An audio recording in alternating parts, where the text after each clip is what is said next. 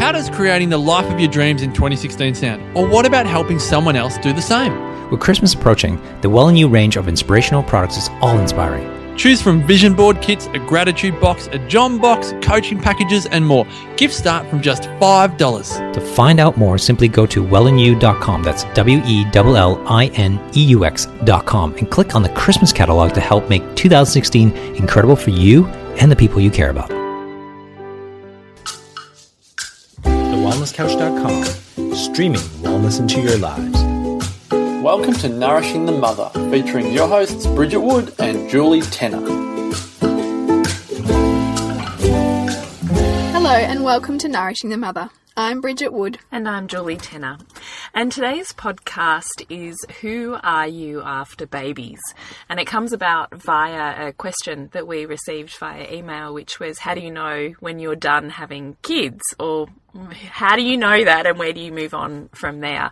So we thought probably the way around that is really to tap into well, what does that feel like? How do you know? And beyond that, what are you after you're outside of that really, I'm going to say infancy phase where it's so intense mm. and you've got so much going on and toddlers and it's all about nappies and playing and cleaning up and, and sleep and getting yeah. sleep and how much are they sleeping, how much yes. are you sleeping, all yes. that stuff. Yes, the intensity of it all that has you kind of feeling like to some extent you've lost who you are. You've become such a creature of service mm. that it's who's left at the end of all of that and now what do I do with all of these feelings? And perhaps this new woman that I've become or these new tolerances or viewpoints that I've received through that process. And how does that all fit into where where's my life going? Mm. yeah. And i guess a, a, good way to probably kick that off is to really ask you because i mean julie you're done. And did you know? i'm done, I'm done. you're done. You're done. But you know i hear of women say when they have their last baby that they just knew that yeah, they were finished. I know. I so so deeply. I know it sounds like it was when Bridget and I were talking about this topic. I'm like, well, that's not a half hour podcast, Bridget. When you're done, you're just done. there's no more to it. And you're going, really? there, there's not there's not a topic in that.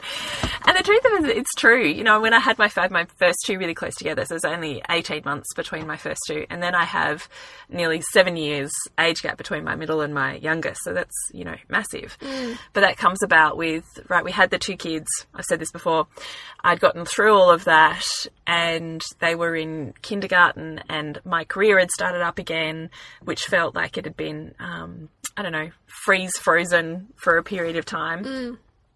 And I was really just starting to get back those pieces of the woman that I was or am or want to be, mm. and more independence, more space, more connection with my husband because the kids took up less of that intensity of my personal space, I suppose.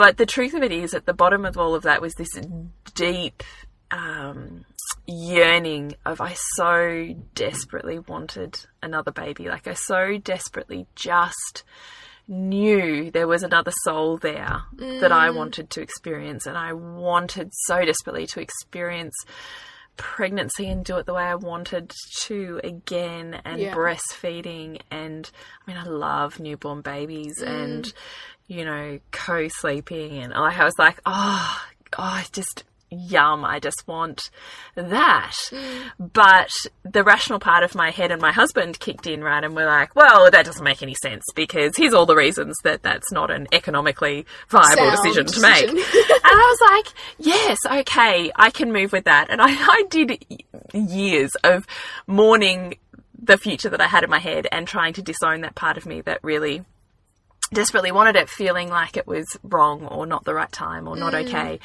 And what I kept coming back to was you never regret having another child, mm. but you can spend a whole life in regret for not having had that child. Yeah, yeah. And then, as I said, you know, we had the um, pregnancy that resulted in the miscarriage, and that was that, you know, moment of alignment where we both got totally on board having another baby. Mm. But as soon as I had Lola, that yearning, that that kind of deep driving overriding of my uh, rational brain, just disappeared. Mm. Disappeared, and it was such a um, quiet, grounded contentment that each time I moved through a phase, so when I said goodbye to I don't know, co sleeping or wrapping or breastfeeding, or, you know, previously I would mourn that or I'd try and hang on to it a bit longer because Yeah, I wasn't ready to give it up. and- And this time I was like, oh, thanks. I feel such gratitude for having done that, but I'm really happy just to leave you there Yeah. and move here. Yeah. And it was a total, com- complete, total seated in my power, calm. Mm. That was awesome, but happy to leave that there. I wonder how many other mums um, have that certainty as they move through those phases, or if there's that part of them that sort of thinks, oh, maybe again. Yeah, well, I, I think that's the thing, though, right? Like, Yeah. there's stuff, we talk about this with some of the mums at school, and some of them have still three or four kids, and they're in their 40s, and they're like, if I wasn't in my 40s, I'd have another child for sure. Mm. But they're still living with that yearning, Yeah. Yeah. which for me was torture. Mm. Like, that's seven years of not having another baby was torture. Like, at the bottom of all of that, that it was a driving sensation within my being that I felt tortured by because it was in such a disconnect with with my rational brain. Yeah. With with what you with the vision that you had for the right way to do things and the Yeah. natural progression. Yeah, yeah, yeah. Um, so how do you know when you're done having kids? I don't know. Maybe that's a complicated answer. Maybe it's not as simple as done because sometimes you can't just be done. You don't have the luxury of being done. Mm. Right? Maybe sometimes that's that's the reality is our bodies, our circumstances, I don't know, our life phases or the choices that we choose that still serve us in some ways don't allow that yearning to disappear maybe mm. or maybe that yearning creates i don't know a career path or a maternal instinct that expands beyond i don't know like now that And i'm saying it maybe done isn't done i don't Well, know and I think also, you know, it's just changing form. So you might be done in the nurturing of a baby, but you just change, you shift that energy so that energy can now give way to perhaps creating a business that you love or creating a special friendship group or relationships or a learning path. You know, it's Yeah. it might just be that you're shifting that energy into some other area. It's not really gone. It's just changing changing the way that it looks in your life. Yeah. Because you know so many women it's, i hear of friends of mine who um, they might be perhaps disconnected with their partner and sort of not kind of going there too much in terms of sex and things but yet they've got these businesses that are just they're so dynamic at and all their energy is going into that. And they're actually almost directing their sexual energy into creating a business because it's that's creation too. That's it's a direction of energy. And we can choose to direct that wherever we want and where and wherever we choose is different for every person based on what they value most. yes And the same the same goes for I guess mothering. Like, is it going to be into your children solely, or is it going to be into something else? Can you do both? I was actually just reading a book last night um, about Janine Allis, who founded Boost Juice Bars, and she um has got four children, and you know she did motherhood in a way that would challenge so many people in that she kind of grew her business with her kids running around under her feet and you know her, everything went into her business. And fortunately her mother really took on that hands-on kind of full-time nanny role while she was building this business. And you know that her kids got what they needed but it might not have necessarily been from her it was from their grandmother. And you know i guess it comes back to who are we to say what's the right way to do that because they will have got a richness from in the connection with their grandmother and also the lessons from their mother on what it takes to do what you love as well and and accept that things look different for every person.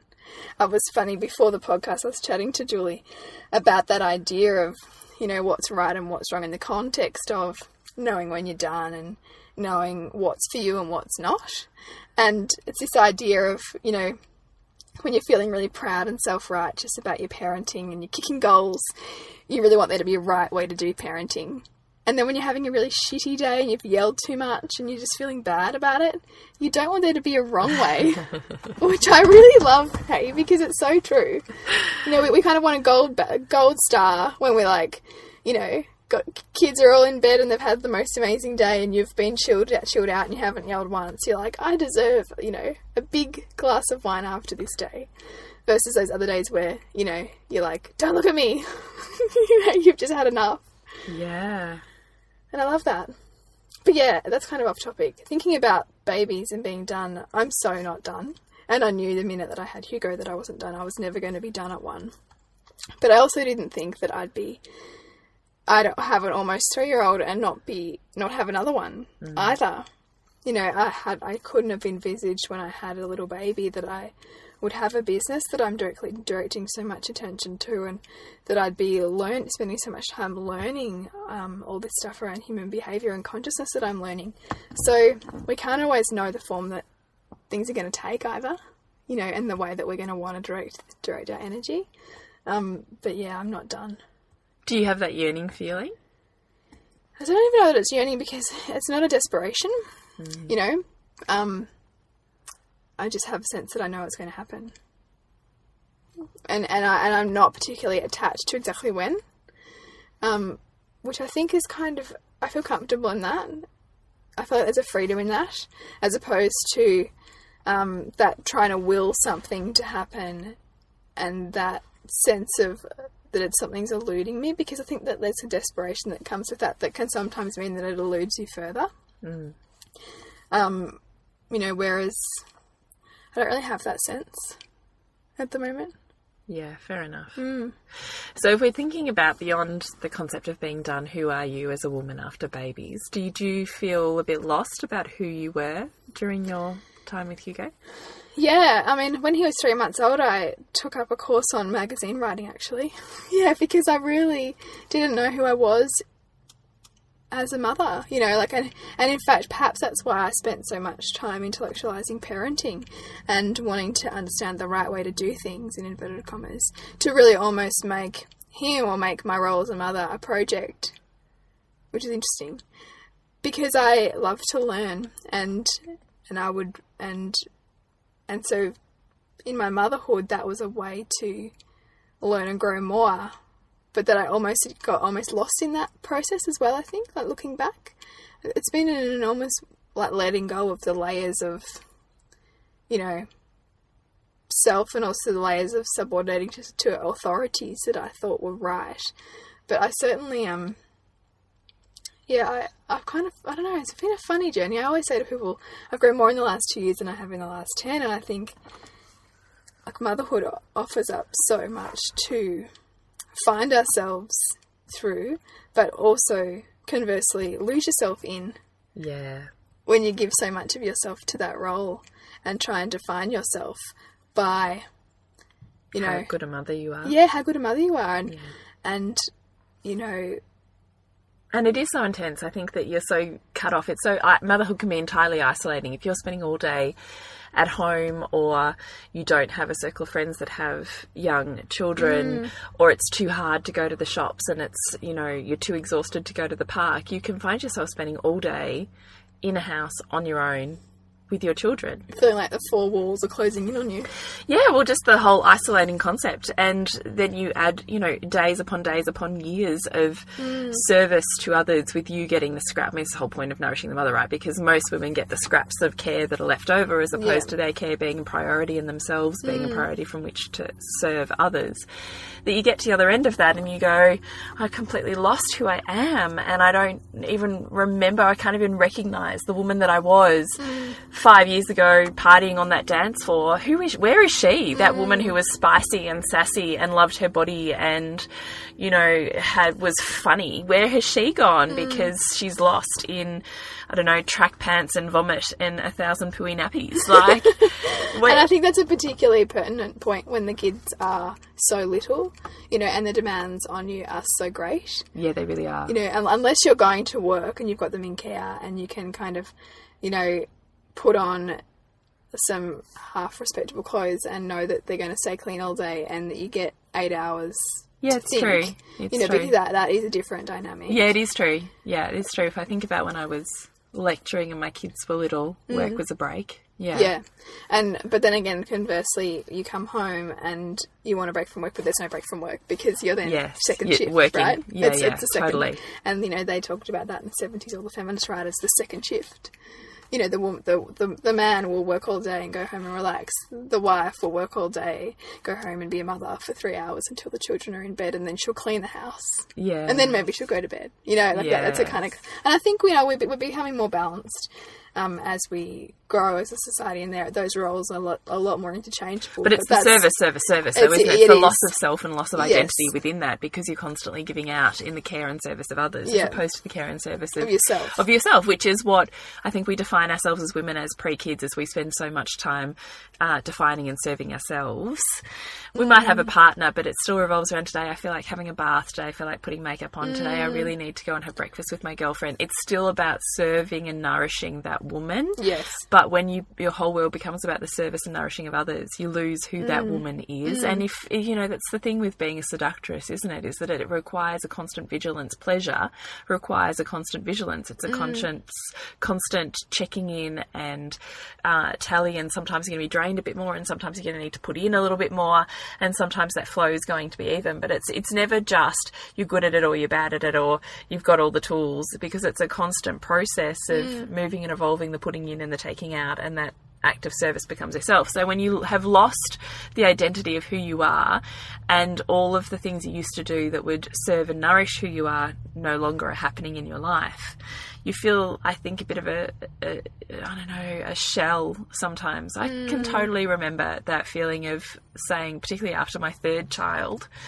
and you've gone through so many sh- personal and emotional shifts that you also don't want to be the woman you were or you don't view the world the way that Yeah. she did. Yeah. I was, I can't fit in where I was there. I can't Mm. do that job and I can't, so I can't be her.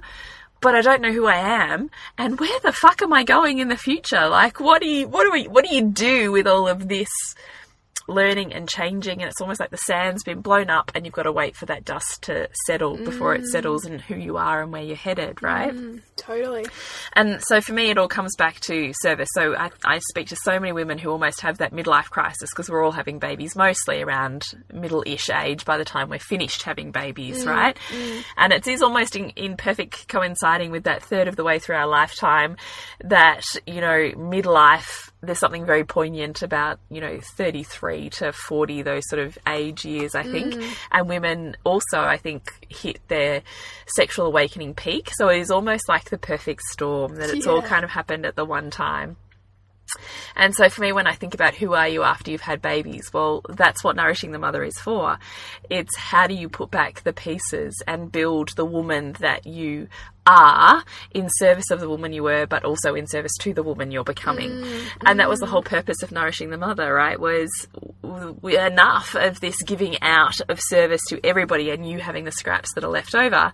You've got to have space to find yourself in the in the storm of all of that happening because when you are solid and knowing and loving and appreciating of who you are, that is what filters out. And you mm. also then are able to balance better, I think, that balance of divine mother with divine seductress slash purpose in my life, work, career, Yeah.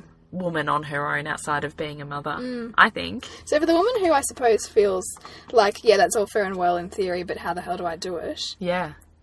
Let's tackle that because I think that we can theorize around those concepts, but really it's about, well, how do I access that? How do I, you know, because for so many mothers, it's like, okay, well, I've got the lunches to sort out, I've got my Yeah. kids' activities to sort out, mm. I've got a husband who needs me to, you know, organize him. Where the hell Yep. do I carve out the space for me? How do I make that happen with the relationships that I've currently got around me? Yes.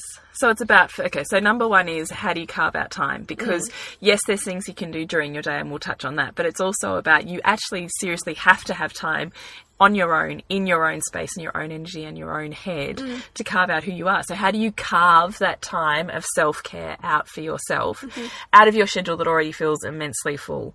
Now you and I have spent a lot of time on this and you and I both choose to get up early in the morning Yeah, we get up really early. Most so mornings. most mornings. So I'm up at five thirty, and either most well, not every morning, but most mornings, and I'm either swimming, mm. and so I go to the pools where I have a membership, and I do a swim and a sauna and a you know a shower and a getting ready on my own ritual there, Yeah. or I'm at home and I'm doing a bit of work before the kids get up, so I mm-hmm. feel like my days so. Carving time out that way. Uh, I will ask for time out. If I know I've got a particularly busy week, I do schedule in time. So I say to my husband, okay, well, Thursday night you're home and I'm home. As soon as you walk in the door, I'm going to shut the bedroom door and I'm just on my own time. yeah.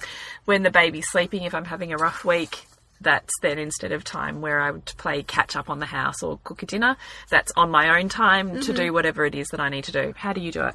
Yeah, so for me, I think it's really, first of all, letting go of any guilt that you might feel about carving out that time, because sometimes I think we, we, we tell ourselves we can't do something really to protect ourselves from having those conversations that we perceive to be hard with those around us, mm. you know, about asking. Mm. Um, and also, I think p- part of it may, maybe subconsciously might be that mother martyrdom that, that no one else can do it the way that I do it, and Yeah. that and that it needs to be done my way. Yeah. And as long as you attach to that, then you're never going to carve out the time for yourself and you're going to continue, continue to resent everyone else around you for not letting you, but yet sometimes it's you not letting yourself and not oh, letting them. Oh, Totally. And I can remember that with my first and second child. I was totally that. I was even, you know, having my hate on for the grandparents that weren't helping. But at the same time, I didn't like it when they helped because they didn't feed them the right food Yeah. and they didn't do it the right way and they didn't put them to sleep the way I wanted. And like like this list of craziness. Yeah. That in the end I had to go, oh my God. Pack it away. Yeah. If what you need is time out to do whatever it is you need to do, work or other, then let it Mm. be. and I think it's recognizing that there's always going to be trade offs. Like, if you're going to carve out that time for yourself, then it's accepting that the people who are going to be caring for your children are going to do things their way too. Yeah. And that's not detrimental to your child. Your child will learn skills of how to ask for what they need with Yes. other people. Yeah. you know, how to manage different kinds of relationships. You know, there's enormous benefits, and I think sometimes we keep really narrow focus on how we think things should be done or, or whatever without seeing the gifts in dynamically shifting things up for the family. Totally. You know, like I, I mentioned before we started recording, I've just come back from a week up in Sydney studying, so I've was up there for seven days, intense days, and my husband had the the work, the childcare, the everything for that week. And one of the first things he said to me was, "Wow, like I really appreciate how much you do." Like, you know, and that's the thing, you know, if you step away and somebody else now has to step in, it helps them to be more grateful for the role that you play. And even that in itself, you know, aside from the awesome part of you carving out time for you, it also starts to see other people fill that time in fill that time in for themselves to a build relationships with you know your children or whoever else it is that you need them to step in for. But then b be grateful for the role that you play. Because it can be so easy to forget you know forget you know we, we become complacent with our partners and what they bring to us. And same thing goes for them you know with us as well. Yeah. and so when you do dynamically shift things up a bit it creates you know a capacity for that gratitude again Yes. and for the, for your children to be grateful for you too. So yeah, for me, it's you know getting rid of the guilt, um, looking at the benefits to those people. So you know perhaps you know if there's some resistance, identifying what those people love to do and seeing how your children might be able to fit into that, or how your children might be able to accentuate that thing. We've talked about that before in other podcasts. Um, but yeah, getting up early for me. My son still naps, so I use nap time, and I often work quite late into the night. And I also, I've also become more comfortable with, in my case, it's often work, working around him. You know, for a long time I wouldn't because I'd feel like, oh, it's wrong, you know, I should be playing with him. Um, but he gets to see a lot, you know, by me working, and that sets a great example for him, I think. So I think it's also asking yourself, well, what can you do with your kids in tow too? You know, not, it's not, not necessarily going to be a nurturing activity, but maybe there's something else in there for you that you can still do, even if you've got the kids there, that's, you know, somewhat enjoyable for all of you, that's a bit out of routine or, yeah. So we've talked about self care. So the idea of self care is that you nurture and nourish the woman that you are enough that then she's got some room to flourish outwards from there. So once you've put into place small rituals for honouring. And look, I have certainly on the Pleasure Nutritionist blog got lots of blogs around this very topic. So I would say go there if you want more information on those sorts of rituals. But once we've put back into the woman and she's starting to feel a little bit more in touch with who she is as a woman, then it's following your passions and your desires to see where you are supposed to head in this world. And sometimes that's taking the plunge on learning mm. and allowing yourself the the value, the time, the money and the energy spent in creating the, the future that you desire. So sometimes that's jumping on that course that sings to you, knowing you've always had a passion to study X, Y, or Z and actually allowing yourself to do it, to feel inspired, to reinvent who you are, right? Mm, mm. Absolutely. And just paying close attention, I think. You know, paying attention to what lights you up. What do you find yourself constantly wanting to read about? Um, you know, beyond all the kid stuff around you, how do you choose to fill your space? Are there certain books you like to read? Um, certain articles that you find yourself always gravitating to on your phone? There's certain things that when you're in conversation with somebody that light you up and that you you know, become instantly extroverted about. You know, these are all little clues for what's inspiring you right now and that what might be something for you to pursue in a little bit more um, depth and with a little bit greater intention. So I love all of those sort of ways of knowing about where to go next. And, you know, as we say, certainly carve out the time to create space to think about those things and Yeah. ask yourself some questions. But it is totally following your intuition, right? Because the universe is always talking to us, and as is our souls through our feelings. Yes. So when we're having an emotional rush or charge or excited feeling or an inspiration or an, oh, I love that. Mm. Oh, gee, I've always wanted to do that. God, I love that. Gee, I think I'd be amazing at this. Yeah. But then we go, but, oh, I can't do that. Oh, but, oh, no, I don't have time. For, oh, but, no, I can't afford that course.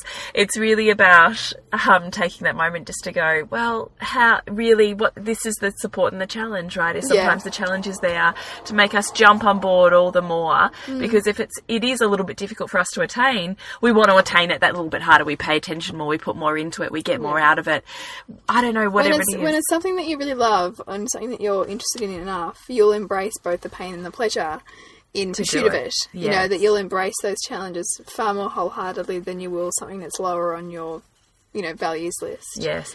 And I think often, even if it's not the thing that you started out doing, the course that you started studying, you become the person that you need to be through making those choices of listening to your soul's calling. Yeah. That then opens up the next level of where you're supposed to be. So you're never not lost, right? That's the path of the feminine. Is Yeah. when you're following your feelings and your inspiration, you're tuning inward to see where those those pulls, like having children, where that yearning is taking you. When mm. you're paying attention to those yearnings, they're not they're not useless. It's not just oh, you know, a silly feminine feeling.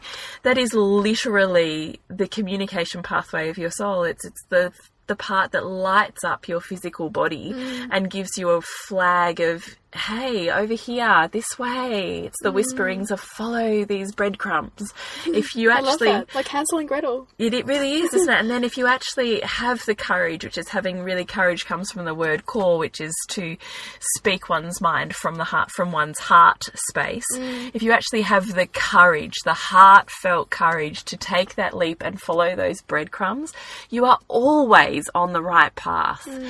And if you've already planned it out, you know where the end is and you've mapped out all the goals, you're in the masculine. You're not headed in the feminine. The feminine is always the mystery, the unknowing, and the following on, on mm. the yearnings and the feelings. But those but those masculine traits will also keep you on path as well. So sometimes it's nice to have the mix of both of Yes, them. thank you, Bridget. Yeah. You're never going to let me get away with that one, are you? I'm not. Only because I know how much those things elude me and I know how much they need to happen to really solidify the creation. I totally don't know. I totally, totally agree with you. I totally agree with you. But I think to actually to have a path that is a soul's journey or who am I on the next evolution, you're never going to know it in your head. You're only going to know it in your heart or in your feelings in your body. So that's really more, not that the masculine doesn't serve us in achieving those Mm. things, but if we're only listening to the head, right? Even like my baby story, right? If I was only listening to my head, I wouldn't have had that third child and I Mm. wouldn't be where I am now. So that's just more the difference I was Yeah, yeah. yeah talking about. We kind of mean the same thing, just expressed slightly differently. so we hope that there's something in that for you and that you're able to um, create that space and uh, perhaps reflect on our stories of, you know, being done with the babies and not being done with the babies and sort of resonate with where you, you fit. And that. finding yourself in that, mm. in that even when you feel completely, totally, sorry, completely, totally, and utterly lost, you're not because it's all serving. Yes. The fact that you've been broken down and apart and crumbled into a thousand pieces is actually where you need to be to rebuild the woman that you were. It's it's the feminine life, death, life cycle, right? Mm. We can't have life reborn, new woman, new path, new future if we're not willing to let die those pieces of us that no longer serve. And let go the things that are no longer calling to us. Let go the things that, you know, feel heavy and an effort and be okay with with saying goodbye to some of those parts of ourselves. you know, Yeah, because ultimately our path is to grow and it's not to hold on to all of those things that we've, you know, perhaps long defined ourselves by. Yeah. It's it's being comfortable with owning who we are now. And you know, and yeah, just stepping into that. And so, if you'd like to connect with us, you can get onto Facebook forward slash nourishing the mother. And for me, Bridget, suburbansandcastles.com and Julie at the Floating Nutritionist. Dot com. Dot com. Yes, and same on Facebook and Instagram. And if you are enjoying any of our podcasts, please share them, please like them, please rate them on iTunes. That certainly helps us keep going. And like today's podcast was inspired by a question, if you have a question or something that you would really like clarity, information, or a deeper delve into, we would love you share that on Facebook in a private message, in an email, whatever you like, so that we can actually answer what's happening in your life. And we will see you next week when we continue to peel back the layers on your mothering journey. This has been a production of TheWellnessCouch.com. Check us out on Facebook and join in the conversation on Facebook.com forward slash The Wellness Couch. Subscribe to each show on iTunes and check us out on Twitter. The Wellness Couch, streaming wellness into your lives. Whilst the Wellness Couch presenter endeavor to provide accurate and helpful information to their listeners, these podcasts cannot take into account individual circumstances and are not intended to be a substitute for health and medical advice from a qualified health professional. You should always seek the advice of a qualified health professional before acting on any of the information provided by any of the Wellness Couch podcasts.